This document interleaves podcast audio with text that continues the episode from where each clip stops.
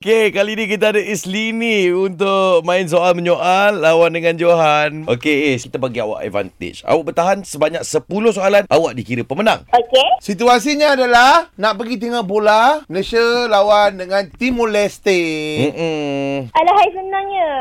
Nak susah sikit eh. Okey, okay. awak lah player bola untuk uh, tim Okey. Malaysia.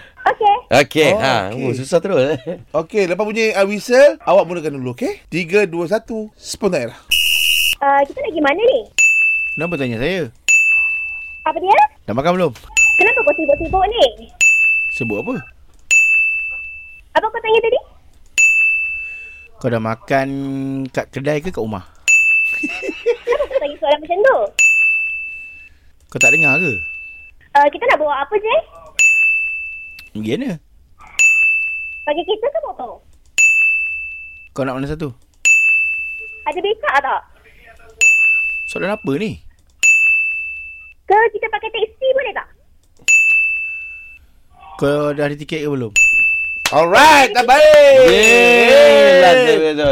Kan dah cakap senang tu lah. Cakap tak Ah. saya. Eh, awak jawab ni. Awak kena bagi lagi satu Lagi soalan. Satu soalan. dah kalah dah. Dah kalah. satu soalan lagi. ha, itu dia. Tak ada tepuk kenapa? Ha. Ha, 10 lah betul lah. Eh, semua tangan kat sembilan. Kau ni apa Dah, benda? dia bagi satu soalan lagi, dah 10. Lepas tu jangan jawab satu. Ya, kau dah tepuk. Macam mana dia nak bagi lagi soalan?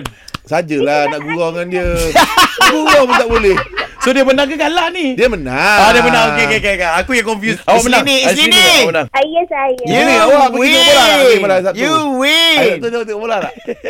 Alah, alah. Jangan nak bising-bising. Nak dengar Ya. suara Johan. You win. Okey. Ah. Orang yang buat tak nak.